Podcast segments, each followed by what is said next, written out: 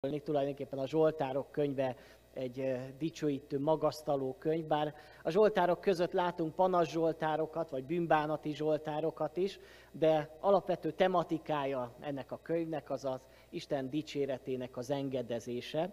Maga a könyv azt a címet viseli, hogy Zsoltár, ugye magyar nyelvbe, de az eredeti Héberbe ez a mizmor, ami egy hangutánzó szó, ami a húroknak a pengetését jelenti, ahogyan megremegnek a húrok, vagy megpendülnek a húrok. Erről kapta a nevét ez a könyv, mert hogy ezek nem csak, hogy leírt imádságok, vagy elmondott imádságok, hanem énekelt imádságok voltak, és hát a mai napig is énekli Izrael ezeket az imádságokat, és jó, hogyha mi is énekeljük, hát akár a saját zsoltárainkat, a saját énekeinket, de mindenképp fontos szerepet töltött be Izrael életében és az egyház életében mindenkor az Isten dicséretének és mag, dicséret és magasztalása. Nagyon sokszor mostohán bánunk ezzel a témával, és azt gondoljuk, hogy ez a dicsőítés, vagy az az éneklés, ez valamilyen periférikus része az életünknek. Talán sokkal fontosabb az, hogy tanításokat hallgassunk, és egyre többet tudjunk az Isten dolgairól. Ugyanakkor a Biblia mégiscsak arra bátorít bennünket, hogy felismerjük, hogy mindennek a célja maga az Isten dicsőítése. Az ember teremtésének a célja az volt, hogy az egy olyan lényt teremt az Isten, aki a saját akaratából és saját döntése alapján dicsőít és magasztalja az Istent más teremtett lények, akiknek nem adott Isten szabad akaratot, dicsőítik az Istent, hát ez a madarak is dicsőítik az Istent, de hát azok nem a saját döntésük alapján, szabad akaratuk alapján teszik ezt, hanem egyszerűen így teremtette őket az Isten, ösztönösen is teszik ezt a dolgot. De mi emberek, mi nem az ösztönünk alapján dicsőítjük az Istent, hanem a döntésünk alapján, hogy akarjuk mi dicsőíteni az Istent, azért, mert megismertük őt, és felismertük azt, hogy méltó a dicséretre. Isten vágyik az ember dicsőítésére, és amikor az ember elfordult az Istentől, megszakadt az ember szívébe a dicséret, helyette lázadás és az Isten elleni vádaskodások lettek az emberi szívbe, de azért váltott meg bennünket, és hívott ki bennünket Isten ebből a világból, aminek a mi, érte, mi oldalunkról nézve az volt a célja, hogy megmeneküljünk, hogy üdvösséget nyerjünk, hogy örök életünk legyen, de az Isten oldaláról az, hogy az Isten dicsőítése ismét helyreálljon. Hogy az ember, aki Isten ellen lázadt, aki Istentől elfordult, ismét elkezdje dicsőíteni az Istent. Nem véletlen az, hogyha a jelenések könyvét olvassuk, akkor bár sok szörnyűséget olvasunk a könyvbe, de tele van Isten dicsőítő, magasztaló énekekkel, ami azt mutatja, hogy a történelem kiteljesedése az valahol a dicsőítésben fog összpontosulni, és a világ történelemnek a végén ott az Isten dicsősége mindenki előtt nyilvánvalóvá lesz. Valóban meghajol majd minden térd Jézus Krisztus előtt, mennyeieké, földiek és föld alatt valóké, és minden nyelv vallja, hogy Jézus Krisztus Úr az Atya Isten dicsőségére. Még a sátánnak is meg kell hajolnia Isten előtt, de ez nem azt jelenti, hogy ő megtérne az idők végén, ez már egy késő felismerés lesz számára, nincs is megtérési lehetősége. De nekünk embereknek nagyon fontos, hogy már itt a földi életben felismerjük azt, hogy Isten dicsőségére vagyunk elhívva. És már itt a Földön gyakoroljuk az Isten dicséretét. Mert a mennyben nagyon sokat fogjuk ezt tenni. Lehet, hogy valakiben felmerül az a kérdés, hát milyen unalmas lesz a mennyben, talán csak énekelni fogunk. Biztos fogunk mást is csinálni az éneklés helyett, de az biztos, hogy énekelni azt fogunk. Az biztos, hogy lesz dicsőítés a mennybe, rendkívül nagyon sok lényel együtt, angyalokkal közösen fogjuk dicsőíteni az Istent. Tehát, hogyha most ez számomra egy ilyen unalmas dolog, vagy egy kellemetlen dolog, vagy egy olyan, amit nem szeretek csinálni, hát lehet, hogy azt a mennybe akkor furcsán fogom érezni magamat, mert ott mindent betölt az Isten dicsősége. Tehát testvérek, jó, hogyha már itt a Földön megszeretjük az Isten dicsőítését, és, és a szívünkig hatol, és átjár bennünket az Isten dicsőítése. Egy másik Zsoltár úgy fogalmaz, a 147-es Zsoltár, ami kicsit párhuzamos ezzel a Zsoltára, nagyon sok átfedés van a két Zsoltár között, hogy dicsérjétek az Urat, milyen jó Istenünkről énekelni, milyen gyönyörű a szép dicséret.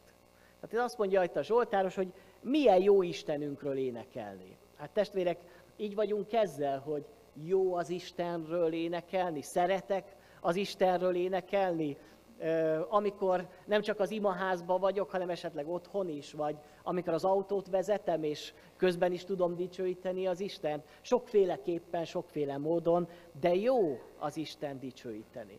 És ezt jó felismerni, fontos felismerni a személyes életünkbe. De nem csak, hogy nekünk jó az Isten dicsőíteni, hanem azt mondja, gyönyörű a szép dicséret, vagyis Isten gyönyörködik a dicséretben. Nekünk jó, az Isten pedig gyönyörködik benne. Ilyen hatalmas haszna van az Isten, ennek a dicsőítésnek és a magasztalásnak. Nagyon szomorú a szívem, hogy nagyon sokszor megosztja az Isten népét ez a téma, hogy dicsőítés.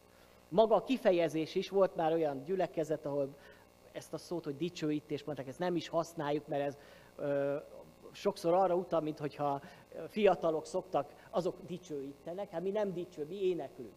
Hát azt mondom, ez egy furcsa dolog, hogy ez így kialakult sok ember szívében, mert ez egy ez rossz. Tehát a Biblia dicsőítésről beszél, és ez fontos, hogy mi is értsük, hogy ez egy nagyon lényeges dolog.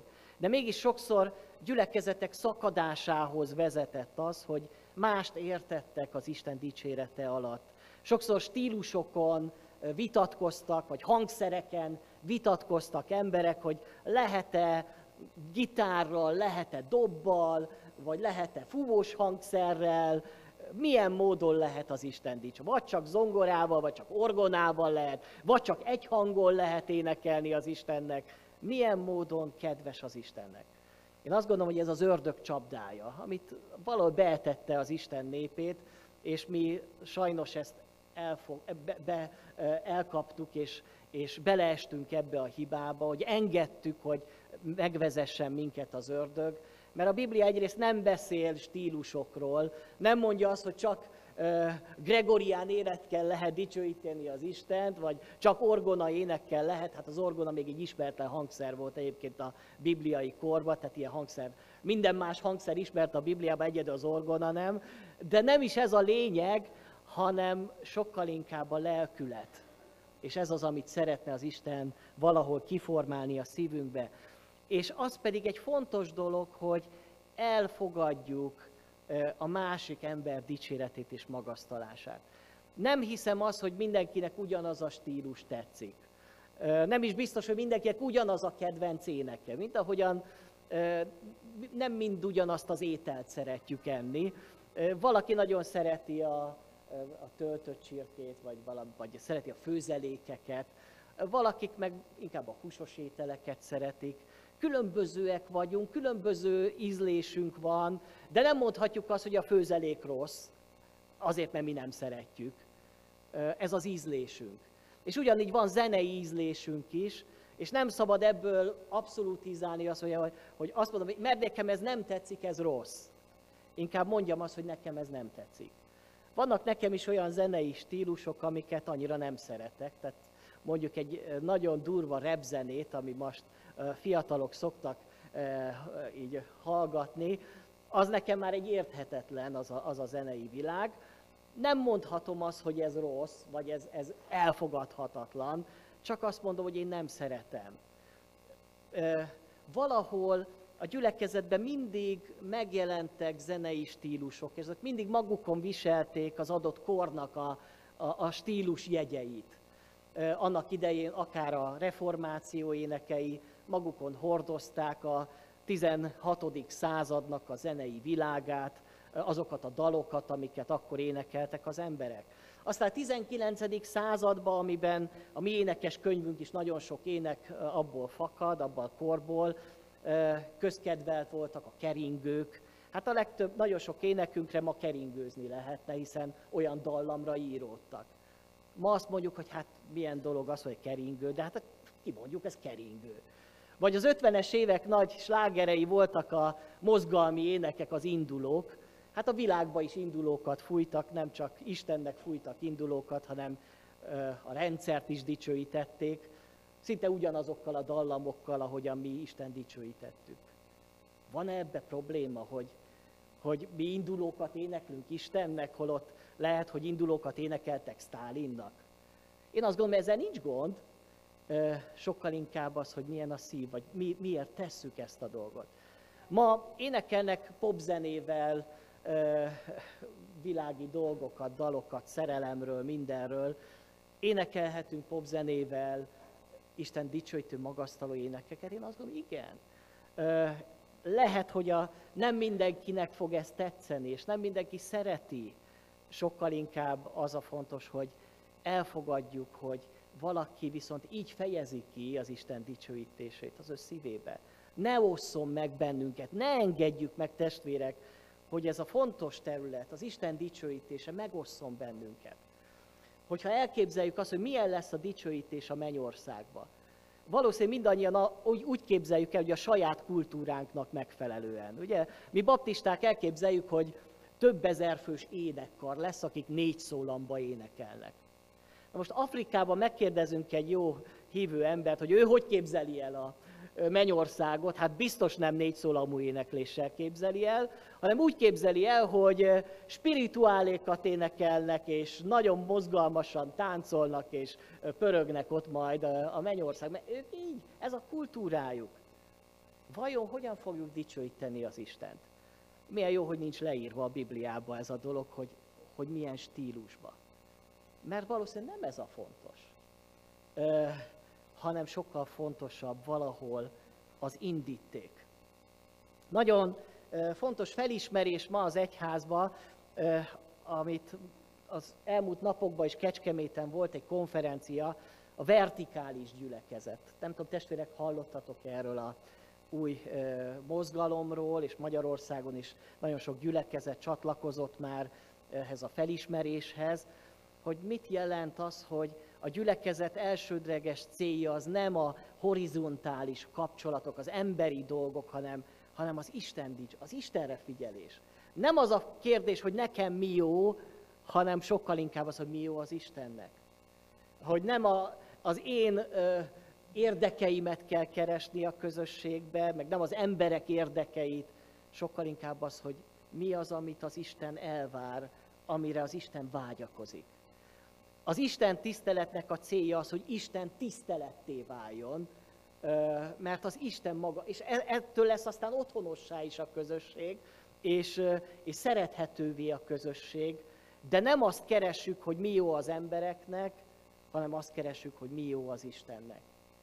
Milyen nagyszerű az, amikor ez a gondolkodásmód járja át a mi életünket, a mi szívünket.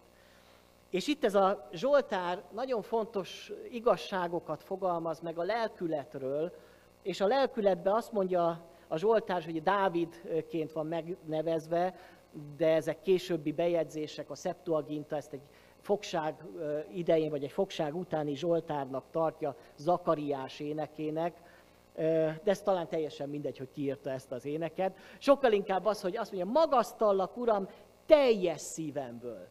És itt szeretném ezt tényleg aláhúzni ezt a két szót, hogy teljes szívemből.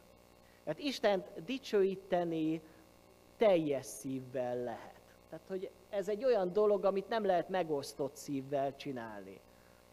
És itt nem az a fontos, hogy milyen a stílus, hogy melyik éneket énekeljük, benne van-e a te szíved abba az énekbe? Benne vagy-e teljesen abba az élet? Teljes szíveddel dicsőíted az Istent, hiszen az Isten nem fogad el kevesebbet. Az, maga az Úr is azt mondja, szeresd az Uradat teljes szívedből, teljes lelkedből, teljes elmédből, mindenestől. Egy megosztott szívű ember lehet egy operaénekes, akinek a világ legjobb hangja van, és úgy énekelhet, hogy ö, tényleg mindenkinek tátva marad a szája, Mégis az Isten azt mondja, hogy ez az éneklés nekem nem tetszik. Mert az Isten nem azt nézi, amit az ember, hogy milyen szép ez az ének, hanem azt nézi, hogy mi van a szívbe. És lehet, hogy vannak emberek, akiknek nagyon fals hangjuk van. Ismerek ilyen néhány embert, akik jobb, hogyha inkább nem énekelnek, de, de amikor énekelnek, olyan őszintén teszik, hogy az Isten azt mondja, hogy gyönyörködök benne, mert a szívét nézem. Értitek testvérek, hogy miről szól a dicséret, vagy miről kell, hogy szóljon a dicséret, hogy, hogy a teljes szívemből beleteszem a, a, az én lényemet, nem megosztott élettel vagyok ott az Isten előtt, hanem, hanem az egész életemet átadom neki. Ezért, hogyha az embernek nem ilyen az élete, mert éppen az életem megosztott, ilyen értelemben, hogy vannak bálványok az életemben, vannak más fontosabb célok, amik mindig előbbre kerülnek az Isten elé, és mindig sokkal fontosabb, és hogyha döntenem kell akkor, hogy Isten vagy a család, Isten vagy a munkám, Isten vagy a karrierem, akkor inkább azt mondom, hogy inkább a karrierem, inkább a családom, inkább a munkám, inkább a hobbim, és valahol sokadikként ott van az Isten, akkor nem tudom dicsőíteni az Istent. Vagy az a dicsőítés az nem fakad őszinte módon. Az az ember tudja dicsőíteni az Istent, akinek a szíve nem megosztott, akinek első az Isten az életébe. És ezt szeretném ezen a mai délelőttön így feltenni magunknak ezt a kérdést, hogy a te szívedben és a te életedben is első helyen van-e az Isten. Hogy őt tartod a legfontosabbnak, és az ő dicsőítését is a magasztal. Ha így van, akkor indulni fog a szíved a dicsőítésre.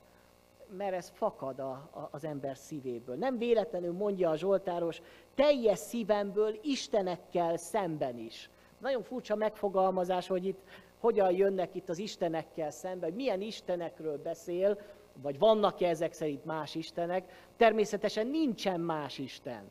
Csak mi csinálunk más Isteneket. Tudjátok?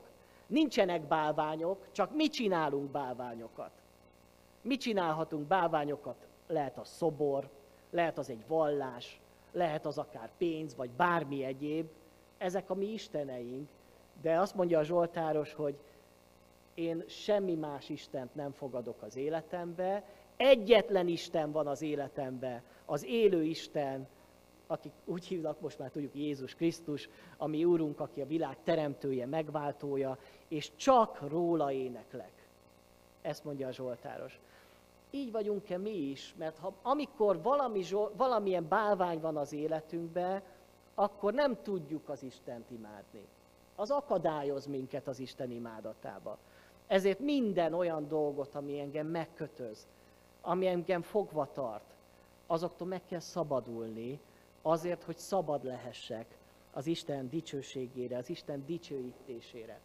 Ez egy fontos a lelkületben. A lelkületben benne van a, a teljes lényem, ami az én testem, lelkem és szellemem. Mindenestől az Istent imádom, vagyis értelmemmel is az Istent imádom, az érzelmeimmel is, és az akaratommal is, és kifejezem Isten felé azt, ami bennem van. Nem véletlen, hogy a Zsoltáros többféle ö, érzelmi állapotot is leír, amikor leborulok az Isten előtt, vagy amikor magasztalom és újongok az Isten előtt. Ezek olyan érzelmi állapotok, amik, amik az, az, az éneklő ember, a dicsőítő embernek a szívébe keletkeznek. Néha félünk az érzésektől, és ezt sokszor látom magamon is, mert a kultúránk valahol arra ö, tanít bennünket, hogy mi ne fejezzük ki az érzéseinket. Még az emberi kapcsolatokban is sokszor félünk igazán megmondani azt, amit gondolunk, vagy érzünk a másikról. Mert vagy nem akarjuk megbántani, vagy túl érzelgősnek tűnik, hogyha valakit átölelek, és azt mondom, hogy szeretlek. Inkább nem mondjuk ki, még az emberi, még a házastársi kapcsolatban is sokszor, mert mi ilyen, ilyen feszélyezettek vagyunk, ilyen érzelmileg ilyenek vagyunk, de az Isten azt mondja, Isten nem egy ilyen lényt teremtett, hanem Isten olyanokat, akik az érzelmeiket kifejezik. Főleg az Isten felé. Isten felé ki tudom, vagy ki kell fejezned azt, hogy, hogy szereted őt. Hogy ő, ő te hódolsz. Amikor leborulunk az Isten előtt, akkor az egy, ez egy testtartást is jelent. Fontos kifejezni a testemmel. Ilyen értelemben sokszor kérdezik, hogy miért van az, hogy, emberek, mikor dicsőítik az Istent, fölteszik a kezüket. Vajon ez egy ilyen karizmatikus szokás, hogy valamit láttunk egy másik gyülekezetben, hogy ez így szokás csinálni, vagy valami, aminek tartalma van. Meggyőződésem, hogy a Biblia is tanít hogy a kéz felemelésnek tartalma van, amivel kifejezem az Isten iránti vágyódásomat, kinyújtom az üres kezemet az Isten felé, hogy Istenem, itt van az, ez az én üres kezem, töltsd meg az én kezemet. Vagy amikor a kisgyermek kinyújtja a karját az édesapja és az édesanyja felé, hogy emelj föl engem, vonjál magadhoz engem. A zsidó emberek így imádkoztak. Nem ezt az összekulcsolt kezet használták. Annak is van jelentőség, hogy összekulcsoljuk a kezünket. Jó az, ha így teszünk, így is tehetünk. Ez is kifejez valamit, de kifejez valamit a kinyújtott kéz.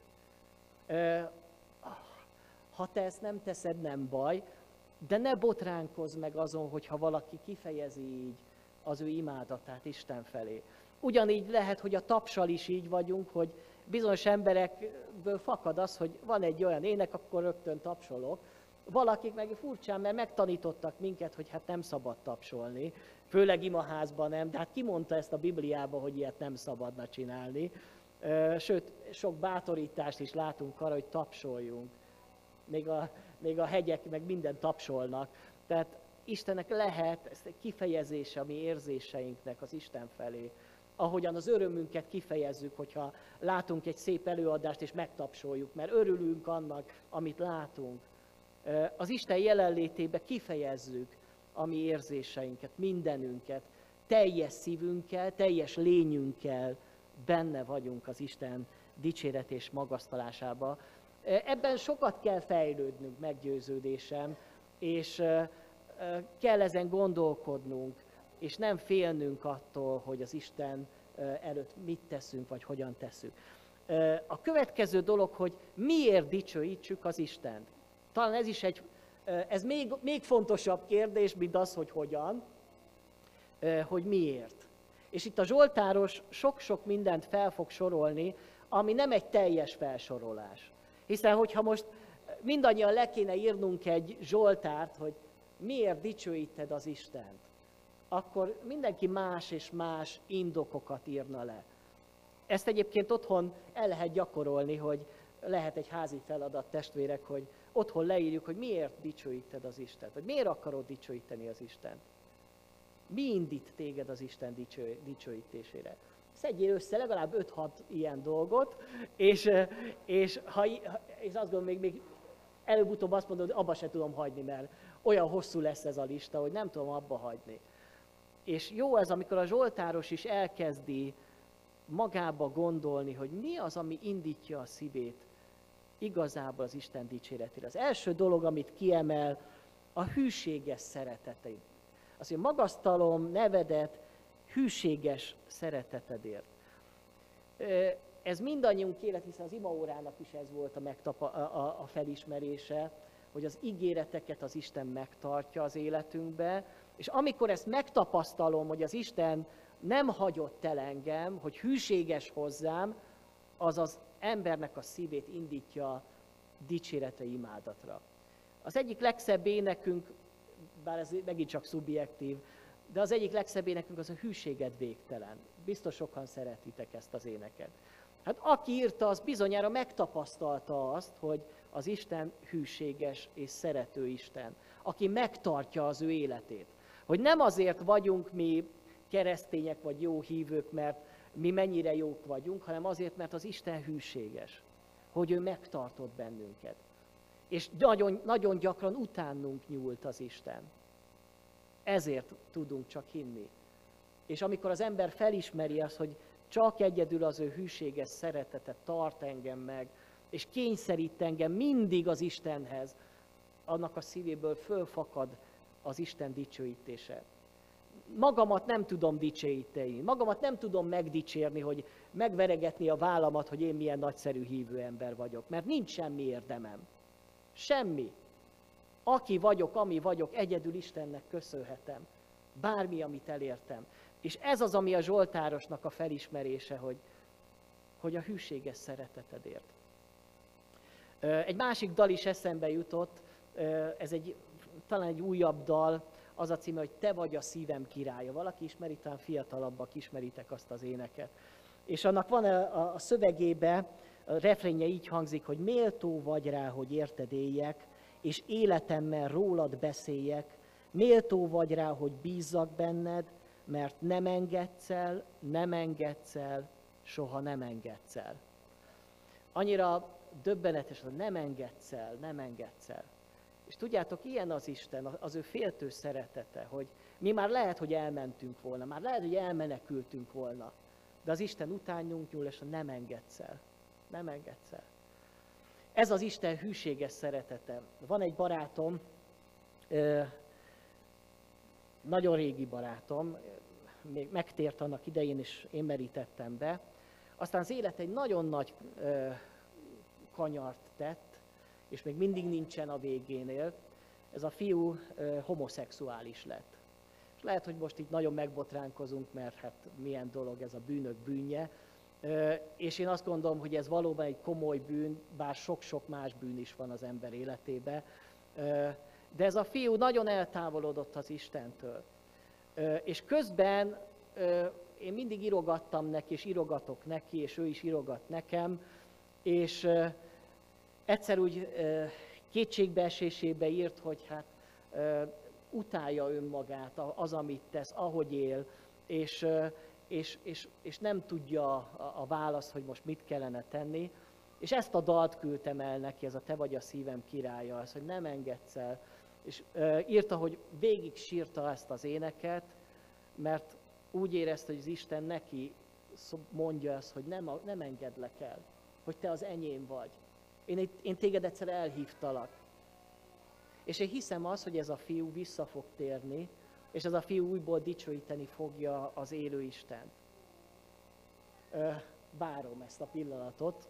Még most ott van a határon, de nagyon sokat imádkozom érte. Van-e olyan ember a környezetedbe, aki, aki elment, aki látszólag elszakadt? Mi nem tudjuk visszahozni bármennyit is mondjuk neki. De az Isten hűséges szeretete, ami nem enged el, aki utána megy, utána nyúl, és újból és újból emlékezteti arra, hogy figyeld, mennyire szeretlek. És aki az az ember, aki megtapasztalta, ezt átélte, hogy az Isten engem nem engedett el, az Isten engem megtartott, na az énekelni akar az Úrnak. Főleg az, aki jó messzire elment és visszajött. Jézus is azt mondja, hogy jobban szeret az, akinek sok bocsátatott meg. Ez nem azt jelenti, hogy akkor essünk jó mély bűnbe, mert akkor jobban szeretjük majd az Isten. Csak értsük jól, hogy nehogy azt gondoljuk, hogy azért, mert most mi nem, nem estünk el az életünkbe, a mi dicsőítésünk az jobb, mint az, aki talán nagy mélységből jött. Ez megint csak szubjektív, és lehet, hogy az Isten jobban örül akkor, amikor egy megtérő bűnös dicsőíti az ő nevét.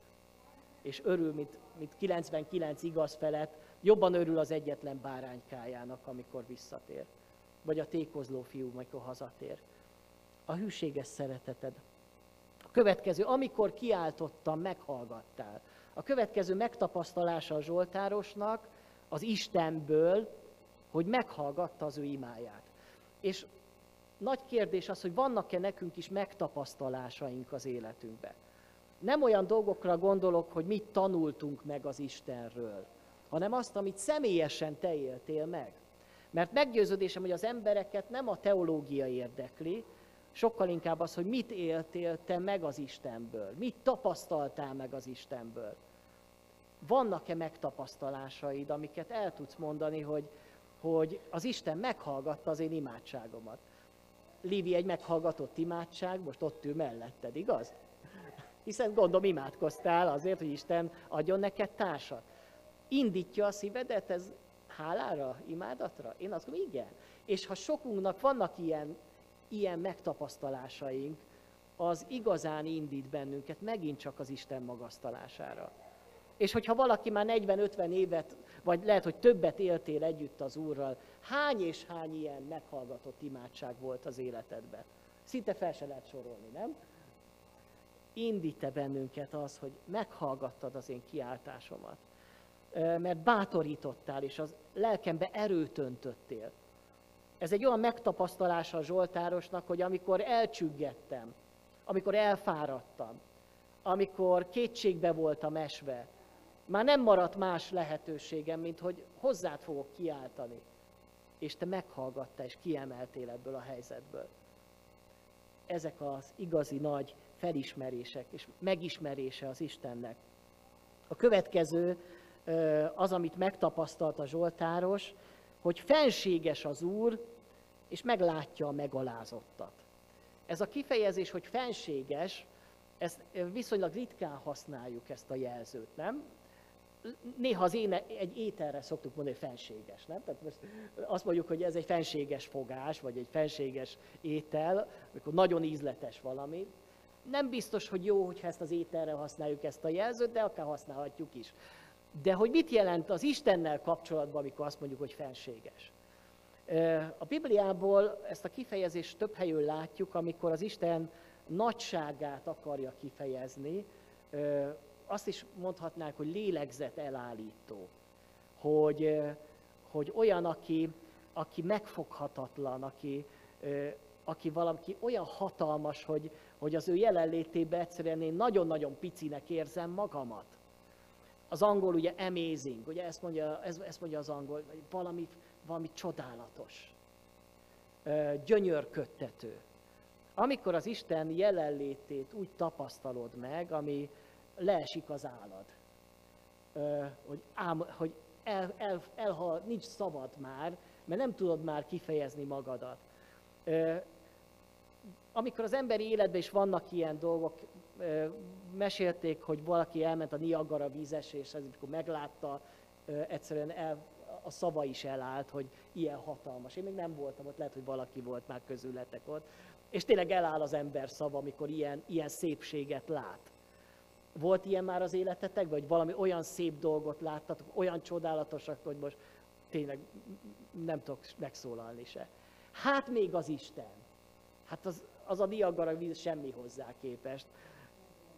Nektek megvan? Nagyon jó.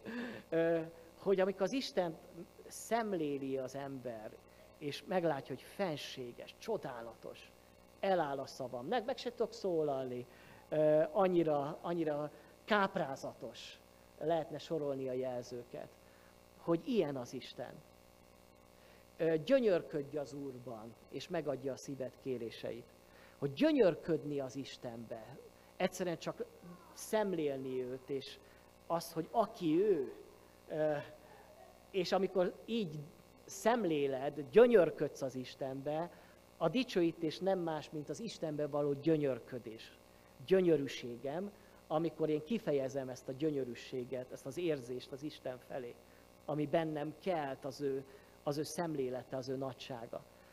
És még mit mond, bár ő ilyen csodálatos és ilyen felfoghatatlan, ilyen hatalmas, és mégis törődik a legkisebbekkel is, a leggyengébbekkel is, a legrászorulóbbakkal is. Mert azt mondja, hogy bár fenséges az Úr, meglátja a megalázottat. Mert az Istennek az egyik nagyon fontos jelzője, és nagyon fontos tulajdonsága az az érzékenysége. Azt mondjuk, hogy szociális érzékenysége. Az Isten mindenütt a Bibliában úgy jelenik meg, nem csak az új szövetségben, az Ószövetségtől kezdve mindenütt, aki a gyengék, az árvák, a kiszolgáltatottak gyámolítója aki a megsebzett szívű mellett van, és begyógyítja a megsebzett szíveket, aki odahajol a gyengékhez, a kiszolgáltatottakhoz, az árvákhoz, az elesettekhez, az igazán nyomorúságban levőkhöz. Ez egy nagyon fontos felismerés egyébként, hogy milyennek képzelem el az Istent, mert ez formálja a mi teológiánkat, meg gyakorlatunkat is. Ha én keresem az Istent, lehet, hogy nem királyi palotákba fogom megtalálni az Istent, hanem lehet, hogy sokkal inkább egy hajléktalan szálon, egy lepratelepen, vagy az útszélén, vagy egy betegágynál, ott a kórházba. Ha keresem az Istent, lehet, hogy ott kell keresnem. Mert az Isten ott van.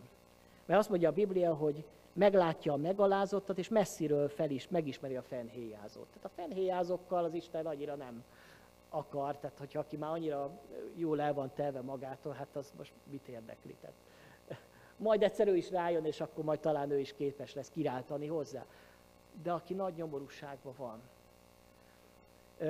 Az egyik kedvenc példaképem, az Harry Nowen, aki egy holland lelkész volt, egy szerzetes, aki éveken keresztül kereste az Istent.